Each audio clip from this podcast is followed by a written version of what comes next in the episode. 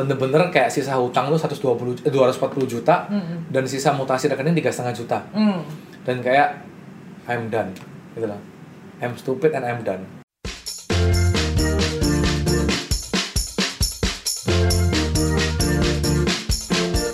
Welcome back to Hot Days, How to Find the Ways with Levilo.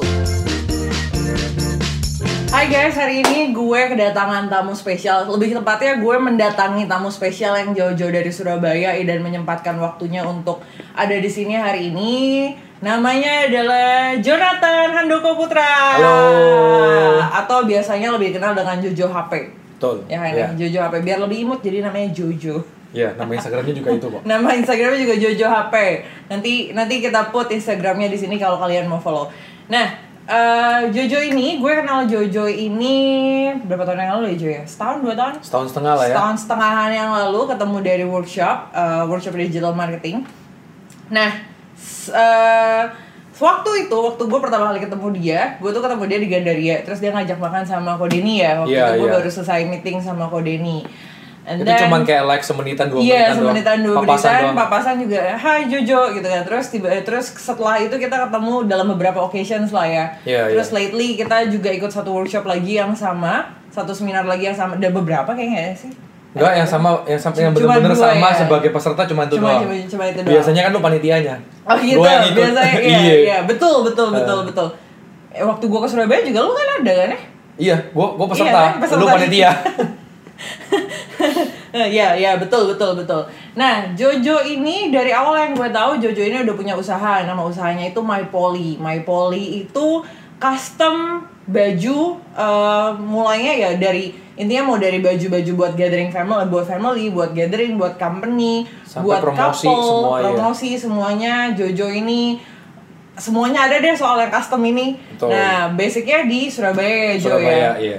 Udah dari berapa lama sih, Jo? My Poly itu tahun ini adalah tahun keempat. tahun Jadi 2015 September dia lahir pertama kali. Barunya 2015 2015 September. Oke, iya. just to make it clear, kita seumuran kan ya? Kita nggak tahu lu umur berapa? Gue 93, lu? Gua 91, Oh, salah lah. ya, salah. dua, dua tahun. Berarti waktu lu mulai My Poly ini, lu udah umur 24. Yes, 24 24. ya? Startnya 24. 24 ya.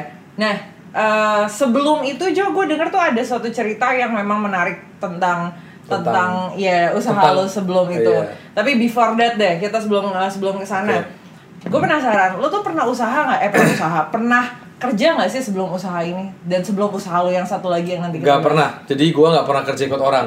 Hmm. Eh, nggak ada alasan khusus, cuman dari dulu nggak pernah kerja ikut orang karena satu gua nggak disiplin juga. Yang mungkin gua kerja eh, masa training udah dipecat kali ya. Kayak gitulah kurang lebih. Karena di kampus juga gua pasti ambil masa bolos gua sampai habis. Itu namanya manfaat. Jangan gitu. diikuti jika kalian tidak punya ke- alasan Enggak, yang jelas. ja- jangan diikutin, jangan diikutin. Hampir fail juga beberapa kali, jangan diikutin. Oke, jadi Gitu. nggak pernah usaha, terus langsung my poly ini, eh Nggak pernah langsung kerja di orang, nggak pernah profesional nggak pernah kerja di orang. Kenapa gue bilang nggak pernah usaha ya? Nggak pernah Iya. kerja profesional, terus langsung usaha sendiri ya. Langsung usaha sendiri. Nah, gue denger dengar tuh ada satu cerita di mana kayak lo tuh sempet cerita yang menarik yang sampai sedikit menegangkan sampai nyokap lu sampai nyokap lu kayak udah nggak usah lagi deh Jo gitu Iya, kan. iya. Boleh diceritain dikit gak sih itu ceritanya gimana? Jadi kalau gua boleh ceritanya agak panjang nih ya. Hmm, Gua sempat bikin orang gua orang tua gua dua kali stres dalam saat gua berbisnis. Sampai yang pertama suruh gua stop, yang kedua takut gua mati. Jadi eh story-nya agak panjang. Gua nggak akan cerita dengan cara melo, cuman gua akan kasih insight apa salahnya gua yang jangan sampai diikutin nama yang dengerin podcast ini gitu. Hmm. Jadi gua start, ini kan gua ceritain history awal gua kerja. Gua start tuh kerja mulai tahun waktu gua usia 18 gua lupa tahun berapa saat gua peralihan mulai masuk ke kampus di usia 18 atau 19 tahun lah. 2009 waktu itu gua masuk kampus pertama kali di Ciputra Surabaya. Apa yang gua jual kebetulan saya nggak akan cerita heboh-heboh orang tua saya orang nggak punya bukan orang tua saya orang cukup di mana dia punya usaha uh, produsen spray Hmm. daripada saya bingung saya mau cari duit dari mana ya simpelnya saya jualin spray orang tua saya Hmm. yang waktu itu mereka cuman fokus ke B2B fokus ke pasar grosir maupun distributor Hmm. dan Di saya Surabaya lihat waktu itu? enggak eh, di Surabaya produksinya cuman marketnya satu Indonesia sih Hmm. cuman fokus ke distributor Surabaya yang bisa supply ke Indonesia ke Makassar lah ke Medan ke macam-macam kayak gitu yang saya lihat potensialnya adalah berarti harga ke distributor aja masih masuk. Kalau saya jual lagi, apalagi ke user udah pasti masuk, udah pasti ada cuan dong. Iya dong. Yang kedua, uh, orang tua saya sama sekali tidak memasukin pasar user sama sekali toko aja nggak punya. Jadi fokus ke distribute, fokus ke supply distributor. Akhirnya saya lihat peluang itu, saya cari pasar ecer tanpa toko. Waktu itu belum booming online. 2009 waktu saya bilang saya berbisnis online, orang cuma bilang, "Hah, emang laku?" Kayak gitu, masih kayak gitu. Saya jual cuma lewat satu media yaitu Kaskus. Hmm, waktu itu belum ada nggak marketplace ada. ya? eh, nggak tahu Topet ada belum atau saya nggak kenal Topet waktu itu. Oke. cuman waktu itu saya cuma tahu Kaskus yang booming di mana itu adalah forum tempat orang sharing dari yang benar sampai nggak benar. Dan yang FJB-nya pun forum jual beli Kaskus pun belum booming. Cuman yang saya tahu adalah banyak orang yang berjualan lewat Kaskus pun bisa jualan. Hmm, ya jualannya bener nggak bener juga ya. Tapi saya jual bener sih ya. Saya testing aja saya testing cuman simple bikin post disundul disundul dengan cara di komen. Eh Ya, laku. ya. ada orang yang ada demand orang tanya macam-macam. Akhirnya saya duplikat 10 akun dengan masing-masing punya 10 post saya sundul setiap satu jam. Di band saya buat lagi di band saya buat lagi I don't care. Karena leadsnya dapat terus. Calon prospeknya saya dapat terus. Sampai kecil sih dalam tiga tahun pertama saya berhasil nabung dengan angka 300-an juta. Tiga tahun pertama tuh ya cukup makan waktu ya tapi sambil kuliah gitu loh sambil kuliah saya cukup nabung 300-an juta dalam tiga tahun pertama Itu yang lo, lo membuat lo memanfaatkan uh, absen lo sampai maksimal gitu. Oh enggak juga absen maksimal karena saya eh, suka main game. Jadi saya di warnet sampai pagi kayak gitu lah. Jangan tiru yang gitu. Itu jangan pancing-pancing nggak bener dong. Nah, terus abis gitu eh selulus saya saya kebetulan lulus tiga setengah tahun bukan sombong Ciputra gampang lulus memang jadi tiga setengah tahun saya lulus sebelum wisuda saya berangkat ke Cina memang untuk saya punya planning saya akan mengimportkan eh, kain spray untuk orang tua saya sih. Agar production cost orang tua saya lebih murah. Itu yang saya prepare itu yang- itu lah yang ya. yang planning sebelum Ya, saya berangkat ya, lah. ya. tapi seiring sebelum saya berangkat mulai saya mau berangkat saya mulai mikir kayaknya saya nggak bisa terusin seorang tua. Hmm. satu elevatornya lagi down. Kedua persaingan lagi price war. Dengan catatan yang laku cuma yang murah dan utang-utangnya panjang-panjangan. Dan yang berani uh, memarketingkan habis-habisan di TV pakai artis dan macam-macam di mana waktu itu orang tua sempat ketinggalan dengan beberapa brand yang lain Hmm. so saya lihat kalau saya terusin saya akan nyemplung ke jurang yang fight-nya kayak berdarah-darah gitu loh Ha-ha. Sedangkan di mana kita tipikal anak muda atau kita bilang milenials ya, kan nggak suka dengan bisnis seperti itu. Jadi akhirnya saya milih, saya ngambil keputusan yang cukup berat, saya nggak terusin. Sempat orang tua ngomel-ngomel, sempat ngomel-ngomel sampai sedikit ngancam, saya mama kasih waktu lu 2 tahun. 2 tahun lu nggak bisa buktiin lu harus masuk titik. Aku bilang deal, kita tes 2 tahun. Uh, just to make it clear, lo anak cowok satu-satunya. Enggak, saya anak cowok pertama kebetulan. Oh, oke. Jadi nggak ada atas atasku, adanya cuma adekku doang. Adekku waktu itu masih baru mas baru mau masuk ke kampus juga, mau masuk UC juga. Jadi akhirnya Cewek kan? Tapi cowok, oh, cowok. cowok Oh, dulu baru cewek Yang yang, masih cewek, kecil, iya, ya, iya, selisih iya, 10 iya. tahun yang cewek. Lah akhirnya saya ke Cina, putusin untuk ke Cina, bantu suplai yang awalnya niatnya bantu suplai kain. Saya tes ketemu supplier kain, ternyata yang biasanya diutangin sama supplier importer Jakarta di Cina nggak diutangin, masih baru. Terus harganya nggak selisih banyak, selisih tipis banget, mungkin karena quantity belum gede. Akhirnya orang tua pun mundur kayaknya nggak dulu deh, di situ nggak dulu. Ya udah, berarti saya harus move on, nggak boleh ke Cina saya sia-sia juga. Betul. Lah dari situ saya pikir apa yang bisa saya mainin di pasar milenials waktu itu. Terus saya juga nggak menguasai bidang apa pun, cuman menguasai ngepost di Kaskus, di band buat lagi, di band buat lagi. Lah saya cari apa yang bisa saya jual di Kaskus. Ternyata waktu itu hype-hype-nya jual barang palsu yang dari Oke. Cina. Oke? Mm-mm. Ya saya nggak perlu sebut barangnya apa lah. Ntar Oke. yang denger nggak bener kan salah ya.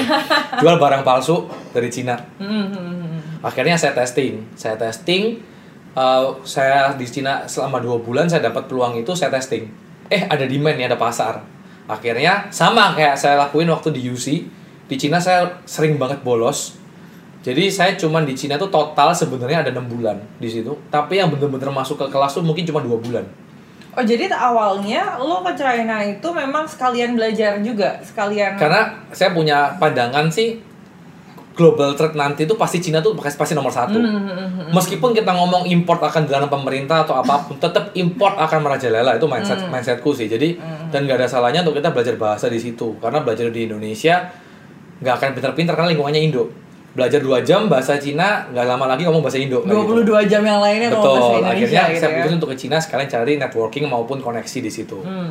Lah akhirnya saya ketemu main barang palsu di mana dalam sebulan pertama cukup ngasilin melebihin omset saya jualan spray di online di Kaskus. Mm, Langsung saya putusin, oke saya harus jualin dua-duanya dulu sampai benar-benar bisa nge-replace. mm.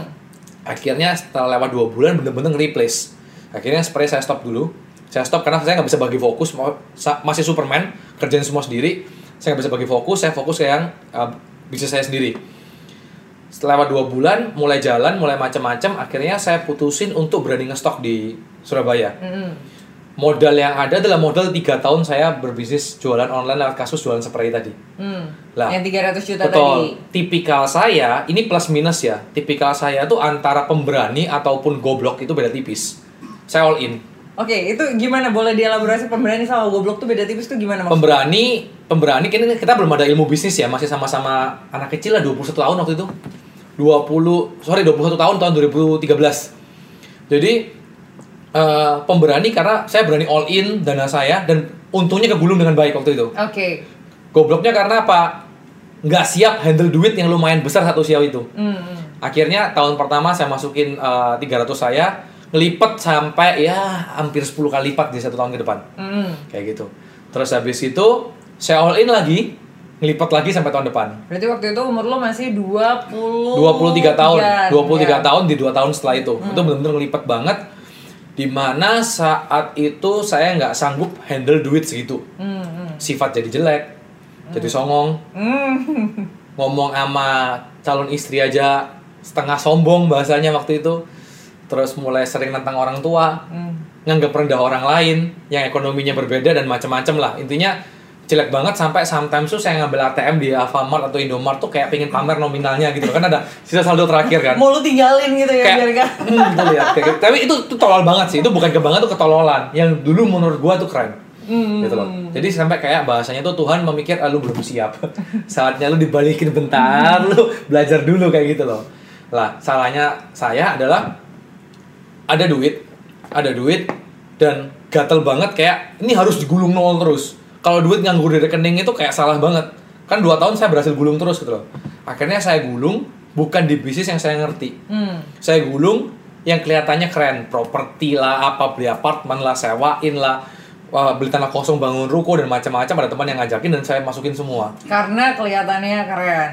Kata kuncinya itu. bukan kelihatan keren karena nggak bisa money management dengan bagus gue Oke. gue kelihatan uang itu di nganggur di rekening kayak lu goblok banget lu uang nggak kerja ya Oke. kayak gitu loh jadi gue paksa kerja semua Ah, gitu loh ah, ah. aslinya tapi ngawur jadi bukan gue putar di hal yang gue paham tapi gue masuk ke zona yang gue semua nggak paham Hmm. gitu pas tepat di tahun 2014 mulai pem- pemilihan capres di tahun depan Hmm.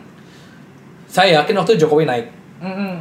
karena keyakinan itu saya yakin juga barang palsu akan mati karena Jokowi pasti pro Indonesia untuk bangun infrastruktur Indonesia dan macam-macam plus ekonomi Indonesia Hmm. akhirnya saya bangun Mypoli saat itu Hmm. dasarnya Mypoli itu hanyalah mesin yang saya pakai sebelumnya untuk custom-custom tipis lah di barang yang sebelumnya Hmm. Nah, saya bangun MyPoly, cuman saya nggak niat gedein. Sampai saya punya pola pikir ini bisnis nggak enak banget, profit tipis, kerja capek, eh, repot, resiko gede, perlu banyak karyawan, stres, males ah, udah duit kecil lah, apaan sih ini? Mindsetnya seperti itu. Tapi waktu itu yang yang usaha yang satu lagi Ya, masih, masih jalan. masih bagus, masih bagus, masih bagus. Plus ada duit udah masuk properti semua nggak jelas ya, udah nggak Ah, jelas itu. ah, ah. Yang saya cuma mikir, waduh ini lima tahun lagi nih bakal segini nih uang nih aset nih naik nih segini. Ah, ah. Padahal properti dari 2013 sampai sekarang nggak naik, hampir nggak naik kan gitu. Hmm. Gitu loh. Jadi banyak stuck di situ dan sampai sekarang pun ada yang stuck susah dijual. Hmm. Ya itu uh, terus lari ke bisnis lagi, saya bahas ke bisnis lagi. Di mana saat itu MyPoly saya malas gedein. Karena kayak ini bisa apa sih bisa kacangan kerucut lah duitnya tipis-tipis capeknya lebih banyak. Kayak gitu mindset saya. Dan di bisnis sebelumnya karena itu cuma bisnis trading di mana kita cuma import lempar grosir, import lempar grosir. Saya nggak belajar nggak belajar branding, nggak belajar marketing karena barang palsu kan. Nggak belajar operasional apa pun. Saya cuman belajar bongkar, catat, packing, kirim. Itu doang, nggak lebih. Karena brandingnya udah speak for itself ya. Betul, udah. betul. Udah orang udah cari sendiri, Iya, udah udah di iya, demand iya, iya. gitu loh. Akhirnya saat Jokowi bener-bener naik, yang biasa import saya tiga minggu keluar barangnya, itu sampai dua bulan tiga bulan nggak keluar. Oke. Oke, udah mulai cokot-cokot nih, udah mulai cokot-cokot. Di mana salah saya yang paling besar, ataupun saya nggak bisa bilang salah juga sih, karena ah, gini, sewaktu itu saya ada duit lumayan dari rekening, yang saya lakukan adalah beli rumah untuk pribadi rumah tinggal saya, Heeh. untuk masa depan saya dan istri dan anak bahasanya bahasanya gitu. Karena menurut saya satu rumah nggak bakal uh, menurun. Kedua emang kita pasti butuh rumah. Sun saya kan pasti beli rumah. Betul. Itu saya beli di usia 24 tahun dengan harga all in sekuat duit cash saat itu tanpa saya mikir panjang. Karena selama ini bisnisnya mulus terus, nggak ada duit mati, nggak ada gini macam-macam enak terus. Akhirnya saya beliin di mana kalau orang sekarang bahas itu rumah kan nggak mungkin lu jual nggak mungkin lu sewain berarti rumah itu akan jadi beban bukan jadi investasi di mana akhirnya cicilannya itu membuat beban yang cukup berat. Memang sih kalau lancar cicilannya nggak kerasa. Ya. tapi saat Jokowi naik cicilan langsung kerasa. Karena 2-3 bulan barang mati. Begitu barang dua, lewat 2-3 bulan itu kan barang yang fast moving. Saat dia keluar nggak bisa langsung laku. Harga bisa hancur bisa price war dan macam-macam. Karena trennya juga udah lewat. tren lewat lah. Hmm. tapi otak saya masih mikir ini masih bisa nih. Jadi kayak saya ada mindset block Maple itu bisnis receh kecil aduh nggak bakal besar lu repotnya setengah mati anak ini gue terusin. Sampai Jokowi call Sri Mulyani pulang. Oke ibu Sri Mulyani pulang saya langsung mikir wafat saya. Kelar nih. Mau keluar mau nggak pajak impor pasti naik gila nih. Pasti beneran. Begitu dia pulang yang sebelumnya uh, cuman mungkin 3,7 juta per kubik jadi 12 juta. 3,7 juta itu kan udah all in masuk sampai ke tempat lo kan. Iya, jadi 12 juta. Jadi udah naik berapa kali lipat. Di mana pasar nggak bisa terima karena barang kan barang musiman. Waktu 2013-14 tuh trennya lagi kayak di peak atas, terus lagi down, pelan-pelan hancur. Karena banyak kompetitor, price war, eh, orang udah mulai boring dan macam-macam. Ditambah Sri Mulyani, jadi kayak paket komplit itu kayak hancur sekalian gitu loh. Itu barang saya setahun nggak keluar. Hmm. Lu bayangin setahun nggak ada income, nggak ada nggak ada penghasilan, Cicilan jalan. cicilan jalan duit pribadi keluar terus cekot cekot cekot keluar terus. Keluar terus keluar terus ada batasnya kan sampai nol. Hmm. kalau udah lo mau ngapain? Bisa sih alternatif ngutang dan macam-macam cuman kan jangan ngelakuin itu. Akhirnya yang saya lakuin adalah saya harus survive. Yang nyangkut biar nyangkut tapi saya harus karena udah udah udah lancar teman yang nyangkut tetap nyangkut. Saya harus uh, import lagi saya harus muter lagi. Karena yang Mayapoli masih kecil banget. Sambil saya bilang Mayapoli lu harus besar. Maafin gua kemarin lu harus besar. Gua butuh lu sekarang nih lu harus besar. Akhirnya uh, saya putusin untuk utang bank. Hmm. kan ada ada cicilan yang dibayar selisihnya kan bisa ditangin bank kan gitu kan? Iya. saya top up saya utang bank untuk modal kerja. Kan seharusnya buat modal kerja kan? Oke. Terus saya masukin lagi barang. Barang masuk barang masuk dan macam-macam tiba-tiba ada rahasia barang palsu. Kena deh. Habis lagi duit. Oke habis lagi duit kena rahasia barang palsu ngurus dan macam-macam udah selesai selesai dan macam-macam selesai kelar tapi duit berkurang banyak tapi masih ada utang banknya masih ada duit banknya Hmm. tapi yang bisnis utama yang barang palsu udah ma- hampir mati total karena cash flow udah habis, bayar utang di Cina udah susah dan macam-macam. Tetap saya lunasin cuman udah udah kayak nggak kuat lagi dan nggak keberanian udah langsung ciut gitu loh. Mayapoli belum sempat cover semua cicilan saya plus biaya hidup. Masih kayak baby banget gitu loh. Saat itu udah merit? Belum ya? Saat itu udah married. Udah merit. Jadi Oke. bukan cuma nanggung buat diri lo sendiri tapi juga nanggung buat istri lah ya. Yes, yes, betul. Untung belum hamil, ya, gitu.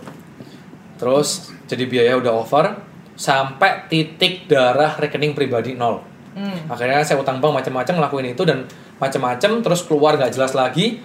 Terakhir saya cuma mikir gini, saya punya cicilan sekian, at least saya harus bisa memenuhi cicilan saya ini minimal biar saya masih bisa tenang hidupnya.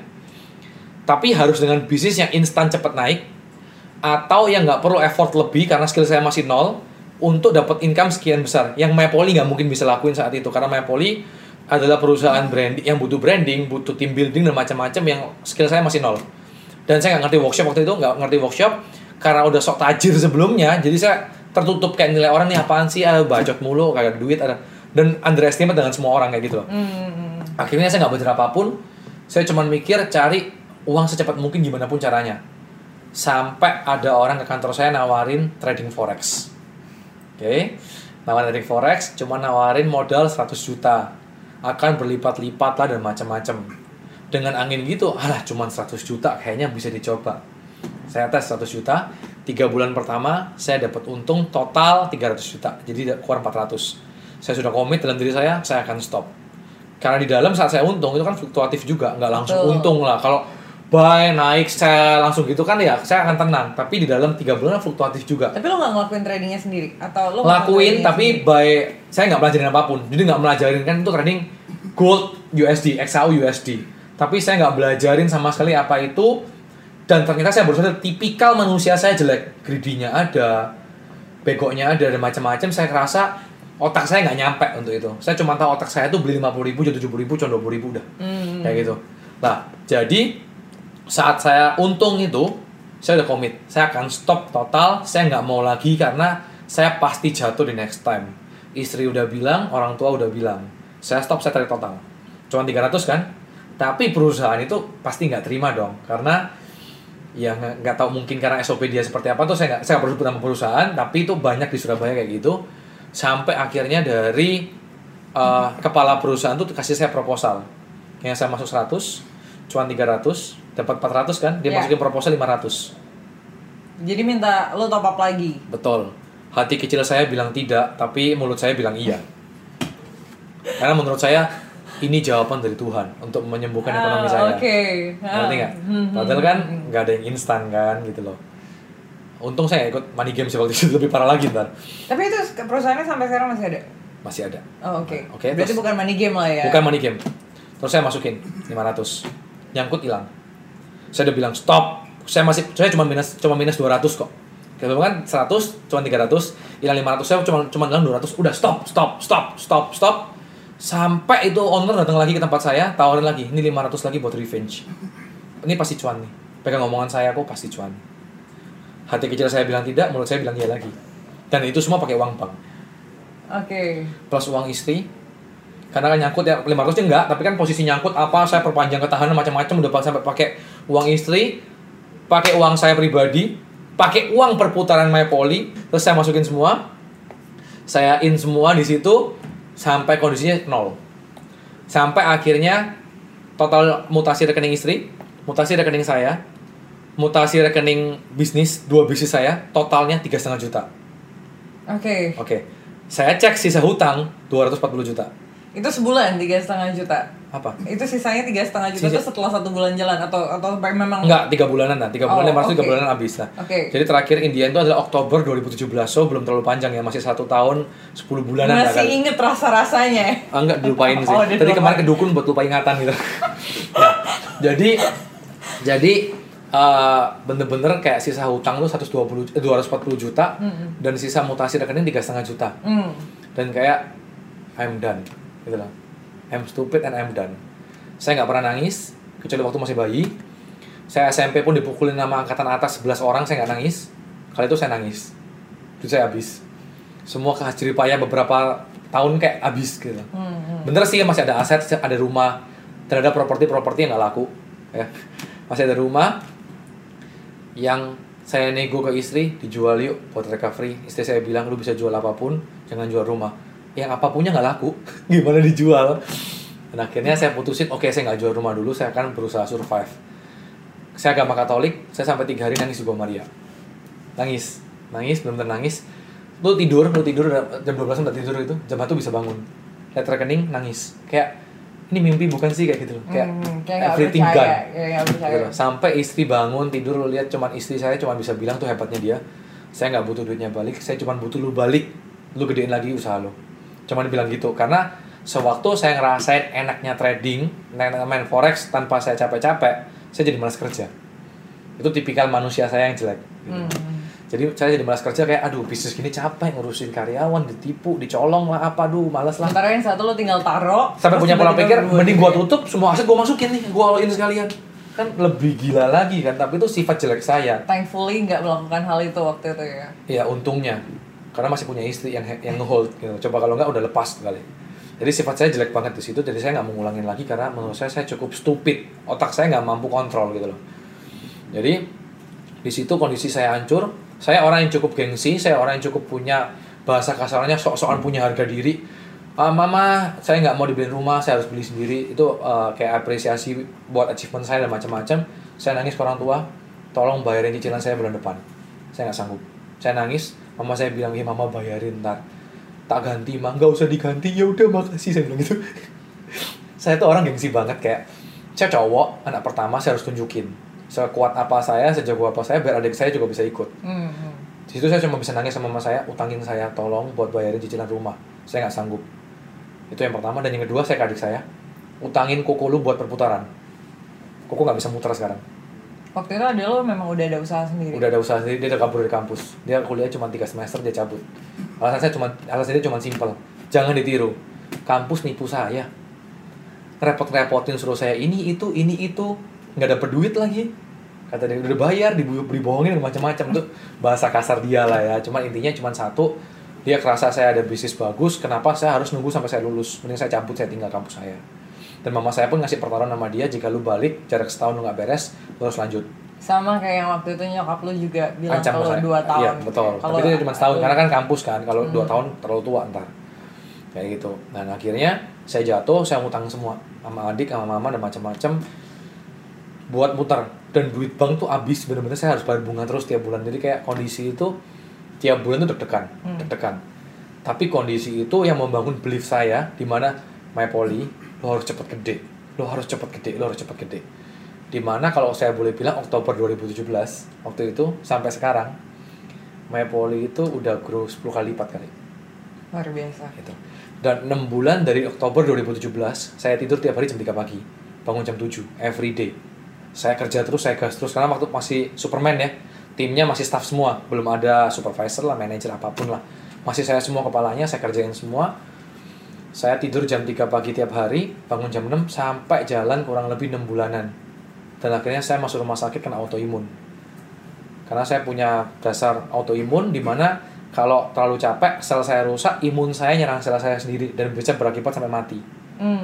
Dari situ dokter bilang, percuma kalau duit lu banyak, ntar lu mati cepet. Dikituin. Dan autoimun tuh nggak bisa sembuh. Lu akan kambuh-kambuhan terus. Justru karena imun lo terlalu kuat nggak sih itu? Nggak, eh, nggak tahu lah, ini Oke. nggak mau memperdalam, nggak mau baca di Google juga, takut nangis saya.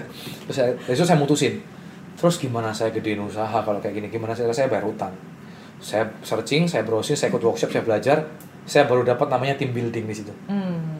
Gue harus buat tim nggak harus gue yang capek gitu loh Mm-mm. cukup otak saya yang jalan tapi fisik jangan Hmm. dari situ saya baru belajar hire tim meskipun melewatin turnover banyak melewatin ditipu terus dikeroyok dan macam-macam itu kayak ya karena dari posisi jatuh ya jadi kayak semua itu gue udah pernah lebih sakit dari hari ini hajar semua Kayak gitu loh. Lu mau ngapain kayak lu mau keroyok gue lu mau resign mas lu mau provokatif keluarin pernah tim ses gue keluar hampir bukan hampir separuh Rombongan. hampir semua Bedol desa 10 jadi orang kan. cuma 8, 8 keluar kayak saya cuma mikir saya pernah lebih sakit daripada hari ini biarin aja. Hmm. sikat semua kayak gitu. Tapi 6 bulan itu meningkat drastis. Dari situ saya tim building macam-macam meningkat drastis juga. Dan karena saya tim building income saya turun. Ha, iya dong saya hire Iya. hire mahal-mahal kan akhirnya di atas. Yang biasa cuma staff doang saya hire mahal income saya turun. Dari situ saya punya uh, ilmu dikit lah jujur dikit saya punya ilmu untuk bisnis online ataupun digital marketing or something dari situ saya punya pikiran saya harus bisa tutupin cicilan saya. Bukan dari duit perusahaan tapi dari source yang lain. Karena kalau pakai duit perusahaan perusahaan saya nggak bakal besar besar. Mati ini lama-lama nih. Income-nya gua sedot income-nya gua sedot kayak gitu loh. Akhirnya buka, saya bukalah seminar dan workshop.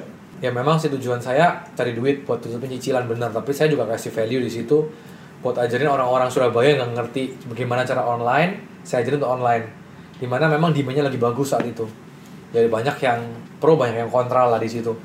Belum tajir sok-sokan ngajarin lah apalah. Hmm. saya tutup semua telinga saya cuma satu cicilan saya harus kebayar dengan source income lain selain dari MyPoly jadi ada orang ngomong apa pun saya tutup telinga dulu. Sampai di titik Surabaya saya kerasa stuck. Saya udah ng- ngulangin lima kali lumayan bisa tutupin cicilan tapi saya kerasa stuck. Di mana saya baru mulai belajar harus gimana sini untuk next saya lihat semua uh, motivator mungkin atau semua praktisi yang ngajar atau apa pun semua bangun personal branding. Hmm. di mana itu cukup makan waktu. Dan saat saya testing ke arah situ fokus saya langsung kayak abis ke situ dan saya lupa ke bisnis ke main bisnis saya. Jadi kayak loh loh saya salah fokus nih. Bukan malah tajir ntar malah keblowo malah hancur. Akhirnya saya putusin eh, kayaknya yang seminar saya stop deh. Toh waktu itu MyPoly udah cukup berkembang income MyPoly kalau buat bayar cicilan masih ada kembalian dikit. Jadi oke lah masih ada saving gitu loh. Saya fokus ke MyPoly waktu itu adalah di bulan 7 2018 dan so far sampai sekarang ya lumayan meningkat lima kali lipat lah ya. Empat empat empat kali lipat lah sampai sekarang. Dari dari dari tahun lalu pas. Empat kali lipat lah sampai sekarang Napolinya jadi bener-bener kayak saya all in kayak ya mungkin yang yang di atas juga tegur saya satu sifat saya yang jelek kemarin atau kasih saya pembelajaran sekarang biar someday next time saat lu dikasih tanggung jawab lebih lu nggak ngulangin kesalahan yang sama. Naik kelas lah ya mending gitu belajar ya. di masalah sekarang saat lu masih kecil dan belum punya bayi belum punya anak gitu. Dan akhirnya dari situ saya punya banyak insight saya punya banyak masukan dan saya belajar banyak. Dari yang saya punya pola pikir semua karyawan Indo itu nggak ada yang bagus karyawan Indo tuh kerjanya aduh nggak bener semua lah. Aduh bahasa kan kampret kampret lah cuman mau gaji buta lah dan macam-macam. Karena di Mayapoli kan cukup padat karya kan. Sampai saya ganti pola pikir nggak ada karyawan goblok yang ada bosnya tolol. Kalau goblok ngapain lu hire? Kalau goblok kenapa lu nggak pecat? Kalau goblok lu training bener belum? Lu jangan ngomong dia goblok kalau lu nggak bisa training dia bener. Kayak waktu itu kita sempat ngobrol soal itu juga nggak sih iya itu dan akhirnya dengan mindset saya yang saya balik ya akhirnya jadi hari ini saya bisa tinggalin usaha mau berapa lama juga tim saya siap untuk saya tinggal gitu loh. Tapi waktu itu, waktu waktu lo bikin seminar itu, pen- pendapatan dari seminar itu lebih besar daripada MyPoly atau enggak? waktu pertama iya. Waktu yang pertama kali bikin iya. Tapi di saat yang udah ketiga keempat udah sama yang terakhir udah lebih gede Mapoli Karena MyPoly-nya berkembang atau karena yang ininya yang agak nurun? Karena Mapoli-nya seminar- berkembang. Kan Mapoli tetap tetap aku gas kan. Kalau seminar kenapa bisa cepat gede atau apa pun lah bahasanya jujur saya ngomong tuh talenta dari Tuhan. Hmm. Karena saya punya cara bacot yang lumayan kayaknya gitu kurang lebih gitulah I see, I see. Tapi ya gini, kalau kalau gue ngeliatnya buat sebagian orang yang di luar sana, ibaratnya gini, lo punya income satu yang cukup besar, terus ada satu lagi income yang yang cukup besar juga gitu kan. Buat orang untuk mikir atau untuk ber eh, mengambil keputusan bahwa oke gue mau fokus di yang satu gue gue kill nih yang ini gue nggak mau ngelanjutin yang ini itu tough loh karena kan sama-sama hampir sama kan walaupun yang memang yang ini ber, yang yang my poly ini berkembang gitu kan waktu itu apa sih yang meyakinkan lo bahwa kayak ya udah intinya gue fokus di my poly my poly bisa gue kembangin gue nggak usah ngelakuin seminar lagi Uh, saya saya tuh tipikal orang kalau ada yang kontra pun tak dengerin gitu loh. Mm-mm. Jadi waktu itu semakin saya bangun personal branding kala-kala gitu, banyak yang tegur sebenarnya. Hmm. Banyak yang negur kayak ngapain gitu loh. Lu jangan ngapain lu fokus ke bisnis lebih bagus, lu ngapain. Akhirnya saya mulai open minded. Kenapa nggak dua-duanya? Ada yang bilang nggak mungkin. Lu gimana bagi waktu yang itu tuh butuh personal branding lu. Itu nempel di lu, butuh elunya, nggak bisa staff lu yang closingin. Hmm. Sedangkan yang ini kan harus lu bangun juga gitu loh. Yang tetap juga butuh lu karena masih baby. Masih anak-anak lah waktu itu. Jadi akhirnya saya pertimbangin pertimbangin dan saat saya mulai fokus ke yang seminar, yang ini kok stuck Hmm. gitu loh. Akhirnya saya saya coba coba deh sebenarnya saya lepas bentar, saya ke sini. Eh meningkat. Ya udah saya lepas total. Udah saya lepas total kayak saya harus korbanin satu hal untuk dapat hal yang lebih besar. Meskipun masih vision ya. dan itu dapat encouragement dari orang-orang di sekitar lo juga Betul. Jadi kan uh, saya untungnya saya cukup open minded bukan orang yang sampai ngeblok. Jadi Hmm. saya suka sharing, saya suka tanya menurut lu gimana? Menurut lu gimana? Dan untungnya saya punya banyak teman yang mau negur saya. Hmm. Dan saya tegur, tegur, tegur, tegur bukan satu dua orang. Dan rata-rata yang negur saya itu jauh lebih sukses daripada saya. Hmm. Tegur, tegur, tegur, tegur, tegur, tegur, tegur, kayak kerasa lo orang yang lebih di atas saya tuh mikirnya kayak gini gitu loh. Hmm. Meskipun yang di bawah ngomong, "Eh keren ya kok lu keren ya, ah bisa gini." Aduh udah. Yang di atas tuh ngomongnya tuh jangan, jangan, jangan, jangan, jangan. Akhirnya saya putusin untuk stop. Meskipun saat saya mutusin untuk stop, orang tua langsung ngomong, "Lu jangan." kayak gitu loh. Mhm. Tapi saya putusin untuk harus stop. Gitu. I see. Nah, Jo, eh, tadi kan lu sempat cerita bahwa kayak ada masa di mana lu tuh struggle banget bahkan sama my poly ini pun struggle banget sampai lu perlu yang minjem ke orang tua, minjem ke istri, minjem ke adik dan lain-lain kan. Gimana sih waktu itu lu sampai tetap punya faith bahwa tetap punya kepercayaan bahwa my poly ini bisa berkembang, my poly ini bisa bisa bisa jadi supporting lo atau bisa jadi bisnis lo yang utama dikala lo bener-bener kayak waktu itu kan kalau gue boleh bilang lo tuh burn out karena maksudnya kayak kayak lo nyoba hal A, hal B, hal C and then nggak works dan lain-lain kan. Terus juga My Poly ini tadinya justru yang lo remehkan bisa dibilang. Yang lo merasa kayak ya ini bisnis ece-ece lah dan lain-lain. Dan lo merasa kayak gila gue udah gak punya apa-apa lagi gitu kan. Tapi lo masih ada My Poly ini. Gimana gimana lo waktu itu bisa yakin bahwa My Poly ini bisa berkembang? Bahasa kerennya saya bisa yakin. Bahasa kasarnya nggak ada lagi yang bisa diyakinin.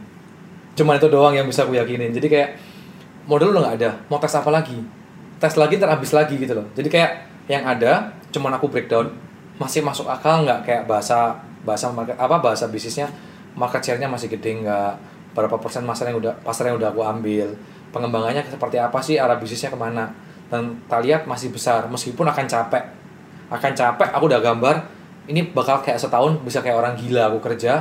Mungkin aku sampai ngomong sama istri "Eh, tolong jangan kekang aku dulu setahun kayak bukan istriku nggak kekang orangnya pasti open minded banget cuman kayak jangan suruh aku tidur cepat jangan suruh aku nemenin lu jangan suruh aku bagi waktu ke lu dulu biar aku fokus ke ini. Dan hebatnya istriku pun setuju.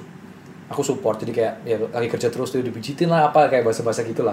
Kayak bentar lagi uh, muncul fans club buat Uung nih. Eh, jujur kalau sampai hari ini kenapa? Karena istriku hebat. Jadi saat aku jatuh dia support saat aku di atas eh, dia ngingetin jangan sampai ini jangan sampai jangan sampai ini. Jadi bener-bener hebat sih itu dia bener-bener hebat.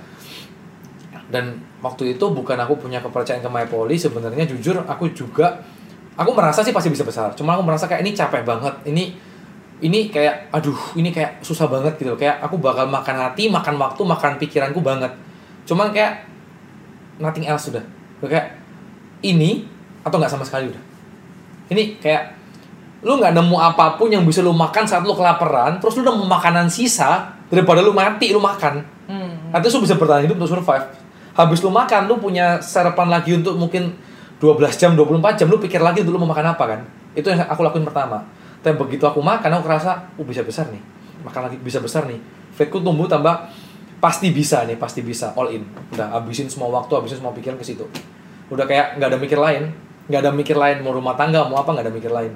Jadi kayak fokus ke situ, sampai aku bilang, my poli nomor satu, is nomor dua Berapa lama? Setahun waktu itu. setengah tahun sampai masuk rumah sakit baru tetap, tetap setahun sih bener tapi sampai tim, tim building kan fokusku udah nggak mulai habis untuk teknis kan Hmm. Betul. dulu kan habis ke teknis bayangin terima orderan kurang lebih 300 kaos Semua dikerjain sendiri. kan ada divisinya masing-masing cuman masih staff kan ada yang pressing ada yang desain tapi kan masih hancur lah lembur nggak mau dan macam-macam ya aku kerjain semua lah sampai jam 2 pagi jam 3 pagi sampai ambil bugil dada, dada atas ngepresin keringetan kayak gitu dan itu terus hampir hampir tiap hari kalau nggak kerjain di depan laptop kerjain gituan langsung lah autoimun Pernah nggak merasa self doubt, merasa ragu bahwa kayak lo nggak bisa ngelakuin ini apa? Jangan-jangan gue nggak nggak cocok gitu buat bisnis gitu. Lah ini gue nggak tahu plus atau minus ya.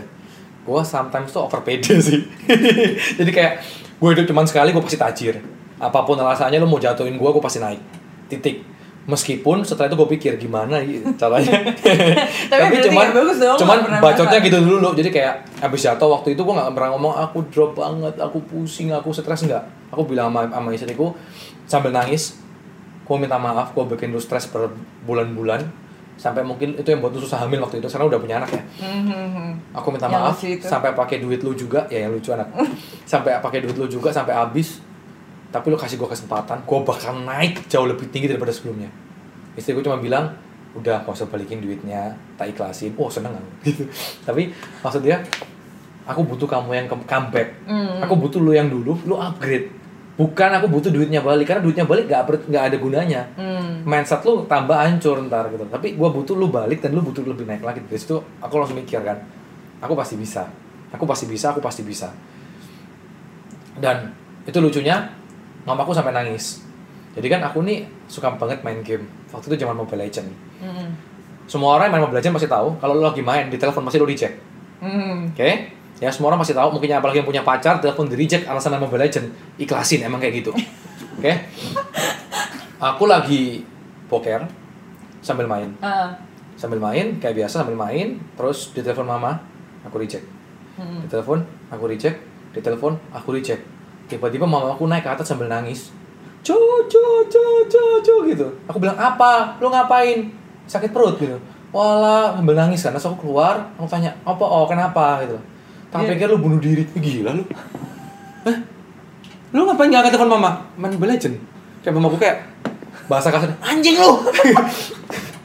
Tapi nggak ucapin itu sih. Cuma bilang "Oh, lu gitu jangan kayak gitu mama ini udah stres lu mikirin lu mau pikir lu bunuh diri lu udah gini lu reject telepon mama ma aku main Mobile Legend kalau lu telepon mati nih ini akan langsung putusin langsung hero gua mati kan gitu kan Iya kan mama kepikiran lu, mama pikir lu lompat lantai dua kayak lantai dua lompat gak mati mah. Yang ada cuma patah tulang tambah sakit tambah bego habis duit banyak. Nah gituin. Iya mama kan udah kacau semua nih pikiran dan macam-macam kayak gitu. Tenang, aku nggak bakal bunuh diri kok. Yang ada aku bakal aku aku Hmm. Anu anuin ya bikin kuatin mama lah. Aku bilang aku bakal lebih sukses dari sebelumnya aku bakal lebih naik lagi. Justru pembelajaran aku bersyukur aku jatuh sekarang. Daripada aku jatuh di usia 35 40 dan macam-macam yang aku susah untuk bangkit. Sekarang aku nggak ada anak aku mau bangkit masih gampang. Aku makan ulang nasi sama tempe bisa anak pun bisa jadi bego makan gituan. Kayak gitu lah. Jadi dari situ ya selain kita gas kita he- hemat semua finansial. Hmm. yang sebelumnya kita sok-sokan makan jangan minta orang tua. Makan di orang tua lah. Di tempat orang tua ada pembantu masak kok udah gengsi udah dibuang semua Hmm. dari situ baru sifat kembali jadi manusia yang benar kayak gengsi-gengsi yang nggak penting apa tuh hilang semua langsung dan yang dulu anggap sombong dan macam-macam let's say misal ekonomi kembali pun nggak akan tumbuh sifat itu lagi karena akan aku tahu ntar kalau sombong dibalik lagi lah ya Kayak gitu. Jadi you learn it the hard way. Jadi lu belajar itu dengan cara yang Memang aku aku percaya ada orang juga yang melewatin turunnya bisnis kok. Ada orang tuh yang anaknya pelan-pelan terus ke atas sebenarnya cepat juga ke atas. Tapi kan nggak banyak orang yang seperti itu. Ada orang juga yang habis naik, hancur dulu, baru pesat. Baru Meskipun ada yang hancur nggak nggak naik ya, Iya, ada juga iya, ya. iya. Tapi ya setiap orang punya cara masing-masing. Dan menurutku memang sifatku cocoknya dihancurin dulu. Karena memang aku punya sifat banyak yang jelek dulu, hmm. kayak gitu loh. Oke, menurut lo apa sih habit yang paling penting yang perlu dimiliki sama seorang entrepreneur setelah melalui segala macam pengalaman lo itu? All in, never give up. Kalau lu nggak all in, lu kerja setengah-setengah, percaya deh. Kalau kompetitor lu all in, lu bakal kalah. Dan hasilnya pun ya kalau Betul. setengah-setengah Nggak ya ada bisnis yang nggak ada kompetitor sekarang. Nggak ada pun, lu lam, rame, bentar dulu pasti ada. Hmm, hmm. Dan kalau kompetitor lu all in, lu pasti kalah. Kayak saat aku bangun barang yang branded palsu. Aku adalah importir kelima di Surabaya. Yang pertama tuh 4 tahun sebelumku, 3 tahun, 2 tahun, 2 tahun. Aku yang kelima. Tapi aku yang paling gede. Yang empat tutup duluan semua sampai aku menguasai monopoli Surabaya. Kenapa bisa kayak gitu? Karena aku juga tiap hari tidur sampai jam 2 jam 3 pagi plus istriku, calon istriku waktu itu. Hmm. Aku ajak tidur sampai subuh-subuh. Karena aku cuman mikir aku akan kerja saat kompetitor kerja, aku akan kerja saat kompetitor tidur. Karena waktu aku kalah 4 tahun dan aku bisa bales itu dengan aku kerja saat dia tidur. Sungguhan ngebales kayak gitu lah. Dan itu yang aku pikir sampai sekarang harus all in. Meskipun udah kena autoimun hati-hati. Jadi timnya yang disuruh kerja. Meskipun all in-nya lebih pinter sekarang gitu Betul, ya. dulu all in-nya kan all in pakai keringat semua kan. Sekarang pakai otak lah kan gitu. Jadi Terus- ya menukarkan uang Betul. buat orang lain sedikit Betul. ya Terus apa ya. never give up. Kenapa kayak gitu? Karena percaya deh lu nggak ada bisnis mulus kok. Nggak bakal mulus. Nggak ada yang mulus. Kecuali lu warisan, dapat dari orang tua nggak pernah ngerasain sakit. Terus warisan pun nggak mulus juga kok. Plus minus. Banyak bisnis warisan berantem sama orang tuanya bisa-bisan. Beda pendapat macam-macam nggak ada yang mulus lah. Gitu loh. Karena dengan all in never give up itu lo akan selalu nemuin cara nemuin cara yang works untuk bisnis lo. So far sih iya, karena kan otak lu udah gak mikir yang lain gitu loh. Kayak otak lu tuh bangun mikir itu, tidur mikir itu kayak gitu. Sampai pernah anniversary kita dinner, candlelight dinner, mengulang masa-masa romantis yang dulu. Sampai istriku istriku ngomong kayak gini, udah nggak usah candlelight dinner lagi, percuma pembahasannya kerjaan mulu. Oke oke, tapi kebiasaan apa sih yang yang lu punya sekarang yang membentuk lu jadi lu yang sekarang? Kayak kan gue sering lihat nih ini aja kita ketemu setelah lo ikut seminar kan gitu kan. Apakah itu matters banget buat lo sehingga lo tetap doing that, uh, lo tetap ngelakuin itu? Dulu, uh, bukan dulu sampai sekarang ya. Jadi aku selalu budgetin tiap bulan tuh duit buat belajar. Hmm, Aku bukan orang yang bisa baca buku. hmm, meskipun uh, aku punya mentor yang selalu bilang baca buku tuh jadi dibuat habit macam-macam aku nih orang visual yang mungkin senangnya YouTube dan yang dibuka di YouTube juga bukan bisnis. Tapi yang lain. Ya game lah apa macam-macam. Jadi kayak ya udah aku udah paksa berusaha baca buku. Aku udah punya beberapa buku jadi pajangan doang di rumah yang aku buka tiga halaman ngantuk. Oke. dan aku nggak dong tiga halaman isinya apa. Kayak gitu. Jadi dulu juga suka sering tes bahasa Indonesia di SMA yang jawaban A sampai C-nya atau E-nya itu bener Mirip, semua? mirip, mirip. bener semua? Nggak bisa jawab? Serius? Kayak gitu. Jadi kayak memang aku bukan tipikal yang bisa baca. Banyak, banyak orang ngomong itu bisa dilatih cuman kayak aku nggak pengen ngelatih atau memang nggak bisa dilatih di aku dan macam-macam. Jadi aku sempetin untuk ikutin workshop hampir setiap bulan. Tujuannya apa? Karena saat ada orang yang ngomong aku bisa nyerap lebih bagus. Hmm. kayak gitu. Dan selalu seperti itu. Dan yang kedua jangan malu untuk networking sama orang yang di atas lu. Karena banyak orang bilang penghasilan lu pasti di average lima orang terdekat lu dan macam-macam. Itu nggak satu persen benar tapi di aku benar karena ada di dia nggak benar juga karena average teman lu cuma lu buat happy doang ya. Nggak lu excuse ya salah lu lah. Akhirnya expense lo yang se- setara sama lima orang terdekat lo, bukan, jangan sampai. bukan income lo ya. jangan sampai jangan sampai. Kayak hidupnya lu ikutin tapi income-nya enggak. enggak. Ya jadi hancur kayak gitu loh. Jadi jangan takut untuk working karena eh, kayak Jessica bilang bisa dinner sama mentornya ini bisa dinner sama apa siapa pun sama siapa pun bisa sampai kenalan sama circleku yang sekarang. Itu bukan karena aku cukup dikenal mereka loh tapi kayak aku nggak punya malu untuk aku ajak mereka kenalan. Semua. Mau sebut sama siapa pun ya mungkin bisa cek di IG ku ada foto-foto sama siapa pun itu yang selain yang ikut workshop ya. Kalau ikut workshop pasti mereka mau foto lah kan bayar.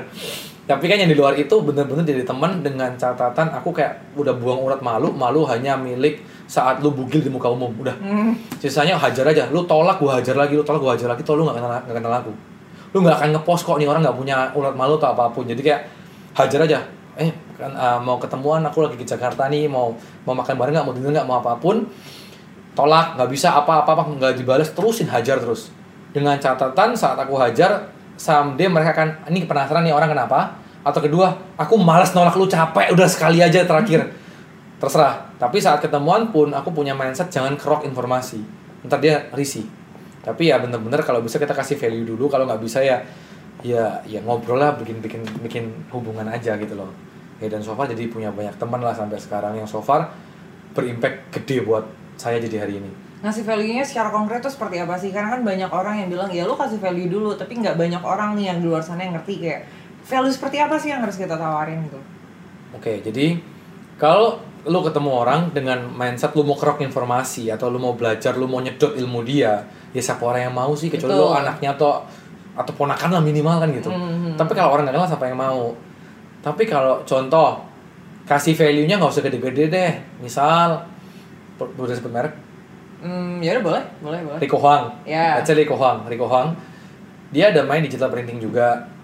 Dia orang jago personal branding, marketing macam-macam, tapi nggak nguasain operasional mesin. Gitu kan. Ada masalah-masalah, ya aku share lah. Karena aku nguasain juga di situ, ngerti gitu loh. Jadi aku share, aku kasih tahu. Jadi ya, at least ya ya Rico lo kalau- denger ya, lu tolak makan berapa kali, aku sampai ke Jakarta lu cancel kampret. Gitu. Sampai akhirnya sekarang jadi teman dekat gitu loh. Teman main Mobile Legend bareng kayak gitu ya J- eh, kurang lebih kayak gitulah jadi ya ya kalau nggak bisa kasih value ma- minimal jangan sedot value dia lah Tapi kalau tapi berarti kan lo mesti ngorek dia untuk lo tahu bahwa dia punya masalah itu dong. Kan gak semua orang terbuka sama masalah itu. ya sekarang aku bilang talent untuk ngobrol jadi aku mau ngomong sama siapa pun sampai sekarang pun bisa nyambung gitu loh bisa enak gitu loh itu itu aku bilang talent dari atas sih Itu bisa itu bisa dilatih nggak menurut lo buat teman-teman di luar sana? nggak tahu karena aku nggak pernah latih juga Oke. Oke. harusnya sih bisa ya harusnya sih bisa Last two questions.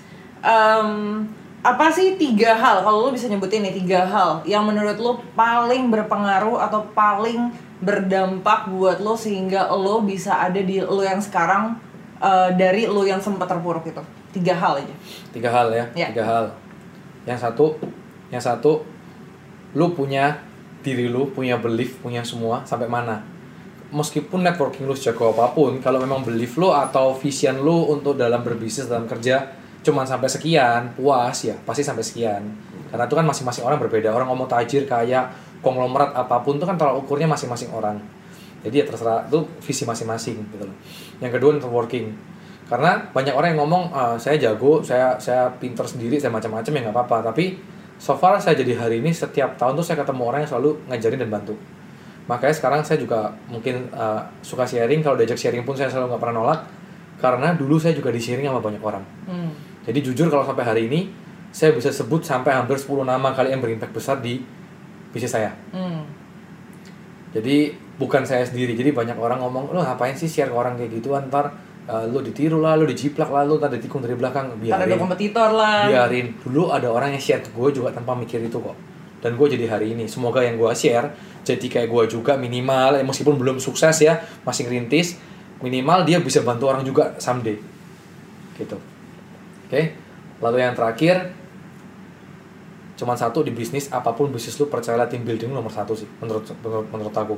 Karena ya kecuali lu main barang palsu kali ya You can tapi do, kan you can nggak long do it term alone gitu ya. you will never do it alone and saat lu lakuin sendiri lu mau sampai berapa sih?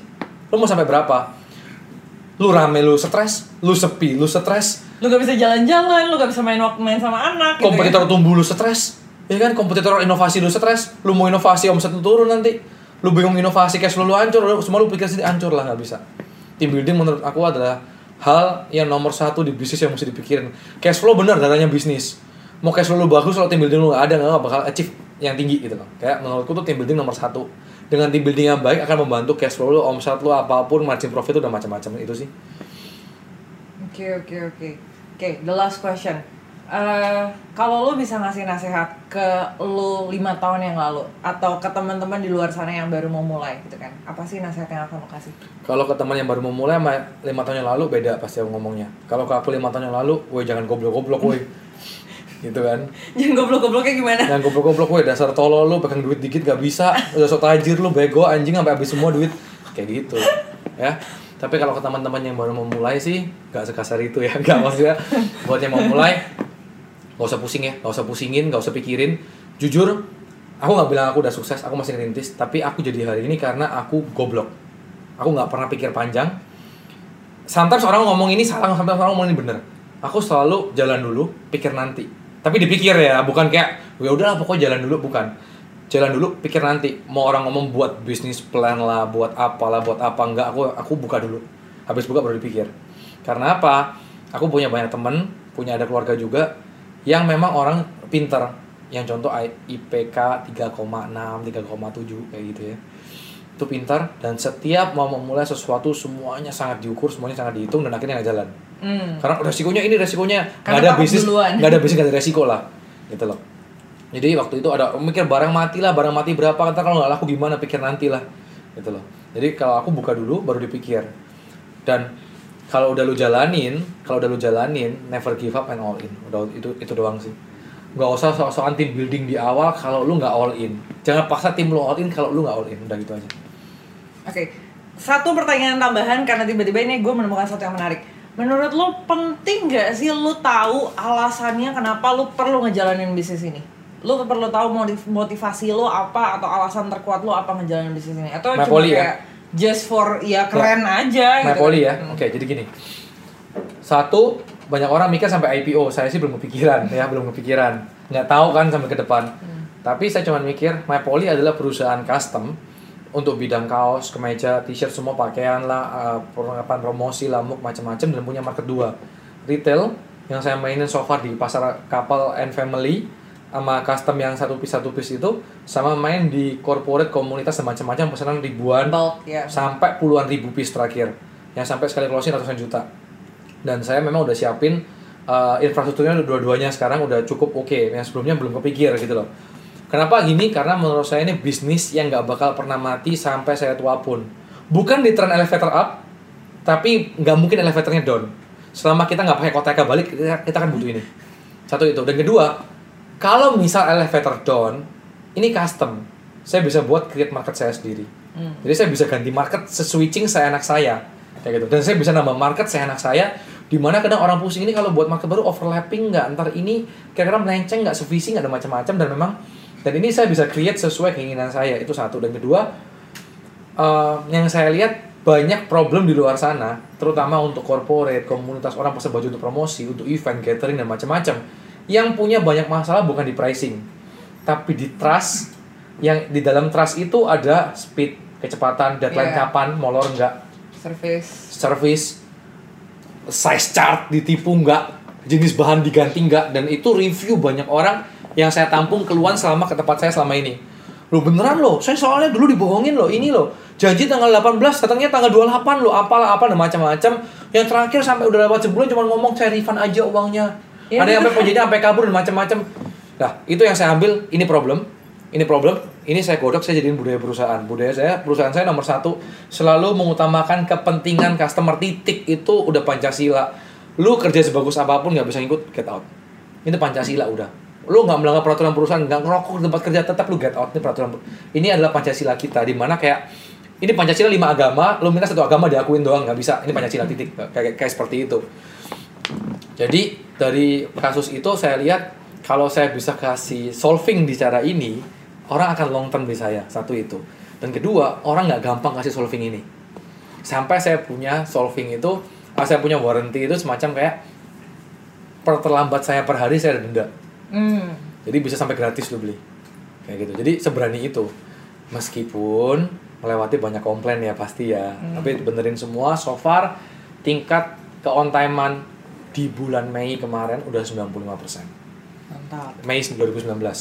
Yang November 2018 tingkat ketelatan 80%. tingkat ketelatan Ya sekarang kita skill kan berkali-kali lipat Iya, terus iya, kan, iya, jadi iya, iya, infrastrukturnya nggak siap, gitu. Jadi saya pikir bakal long term, bakal bisa sampai anak terserah anak mau terusin nggak, terus pasar masih gede dan nggak akan ada pasar price war, tapi mungkin nggak semuanya price war karena orang lebih butuh trust kok. Saat saat aku seorang purchasing sebuah perusahaan, Hmm. aku mau DP perus- mau DP tempatmu 50 juta, aku butuh lebih murah 5000 atau butuh yang bisa aku trust untuk kirim beneran, kan gitu. ya ya ya, Ya kurang lebih kayak gitulah. Tapi tetap kalau budget nggak masuk ya nggak bisa. dan motivasi lo buat ngegedein my poly ini sekarang lebih ke keluarga atau lebih ke karena karyawan lo atau? Nggak dua-duanya juga. Jadi gede main poli ini karena menurutku ada orang kan mikir ini bisa sampai titik ini. Oh kayaknya udah nggak bisa sampai titik ini. Ini masih kayak gapnya masih gede banget. Main poli hari ini tuh kayak market share yang aku serap mungkin cuman sekian 0, persen sekian persen kali ya. Karena so far masih kecil banget yang aku serap dan aku masih bisa serap gede gitu. Dan lu ngelihat peluang gini kayak lu nggak nggak usah capek-capek rebutin pasar orang pasti kerebut dengan sendirinya kok. Lu tinggal tambah value doang masih gede gitu loh. Gitu sih. I see, I see. Buat tadi yang si Jojo bilang perihal My Poly itu on time, gue barusan kemarin banget, baru kemarin kita mesen dari My Poly juga dari Scale dan gue tuh minta tolong bahwa gue tuh pesen baru hari Rabu kalau nggak salah, apa Selasa gitu. Gue minta tolong hari Jumat itu udah barangnya udah dikirim. Dan waktu itu mereka nyanggupin dan beneran dikirim bahkan dibawain langsung sama Jojonya ke Jakarta. Dan itu bukan ngecer loh, ya, bukan satu piece loh. Betul betul. Dan itu dan ya memang berarti Pancasilanya memang benar-benar dijalankan. Testimoni langsung. Untung lu gak beli November 2018. Bisa lu gak ngajak Nggak gua podcast. jadi. Gak jadi lu perusahaan lu sampah. I see, I see, I Gitu. see. Tapi lu tadi nentuin value lu itu bener-bener karena lu ketemu sendiri value-nya atau lu ngeliat dari orang lain bahwa itu value yang harus lu tanamin Gini, diri? jadi gini. Kan sampai November 2018 tuh merawatin banyak waktu kan. Sampai komplain beludak. Jadi saya tuh mencoba beberapa pasar. Langsung user, lewat perantara, makelar, apa pun, apa pun. Dan nggak ada yang cocok sampai saya menganggap usernya adalah main main customer saya. Pemakai langsung meskipun grosir meskipun encer. Ini main customer saya. Dan yang saya lihat adalah sometimes tuh user ke tempat saya untuk closing gede maupun kecil dia akan ngomongnya kayak gini. Saya kan juga dengerin ya. Mahal nggak apa-apa. Lu tambah aja harga tapi saya butuh cepat. Bisa nggak? Hmm. nggak bisa pak. Gue juga sering gitu. nggak bisa pak. Ini data udah mepet pak dan macam-macam. Lu butuh cepat tapi nawar kan? Jadi pak ini kita butuh mepet pak dan macam-macam. Jadi orang ngomong "Ah, ini kita butuh cepat pak. Ini oh saya nggak bisa. Dulu kan saya tolakin nggak bisa karena kita punya standar sekian sekian sekian akhirnya value saya sama kompetitor tuh nggak beda jauh. Bedanya cuman ya mungkin ini lebih kelihatan gedungnya ada kantornya yang kompetitor mungkin ada yang ada yang kantor ada yang enggak misalnya gitu. Hmm, hmm, hmm. akhirnya orang kerasa kayak aduh kok ya kayak gini dan macam-macam. Terus begitu kita coba yaudah terima dulu aja pikir nanti. Kan saya tipikalnya Iya, kayak iya, gitu kan iya, tadi kan. iya. akhirnya hancur customer kecewa customer kecewa. Dan setiap customer kecewa tuh saya merasa potensial repeatnya langsung hilang gitu loh. Dan menurut saya mau sampai kapan kita cari customer baru terus untuk survive? Yang kedua kalau kita bikin customer kita nggak puas apalagi kita market user ya kalau market B2B kan pricing mungkin is number one ya. Yap. tapi saat kita ke user kalau misal kepuasannya hancur bisnis aku nggak bakal long term. Soon pasti semua orang tahu dan semua orang nggak mau beli. Cuma gitu doang. Tinggal nunggu waktunya kapan bom waktunya kapan. Dari situ baru kodok itu budaya baru keluar tahun lalu memang. Yang sebelumnya budaya nggak jelas. Akhirnya kodok kayaknya memang kepentingan customer nomor satu karena waktu itu karyawan masih hancur. Contoh contoh deadline customer hari ini.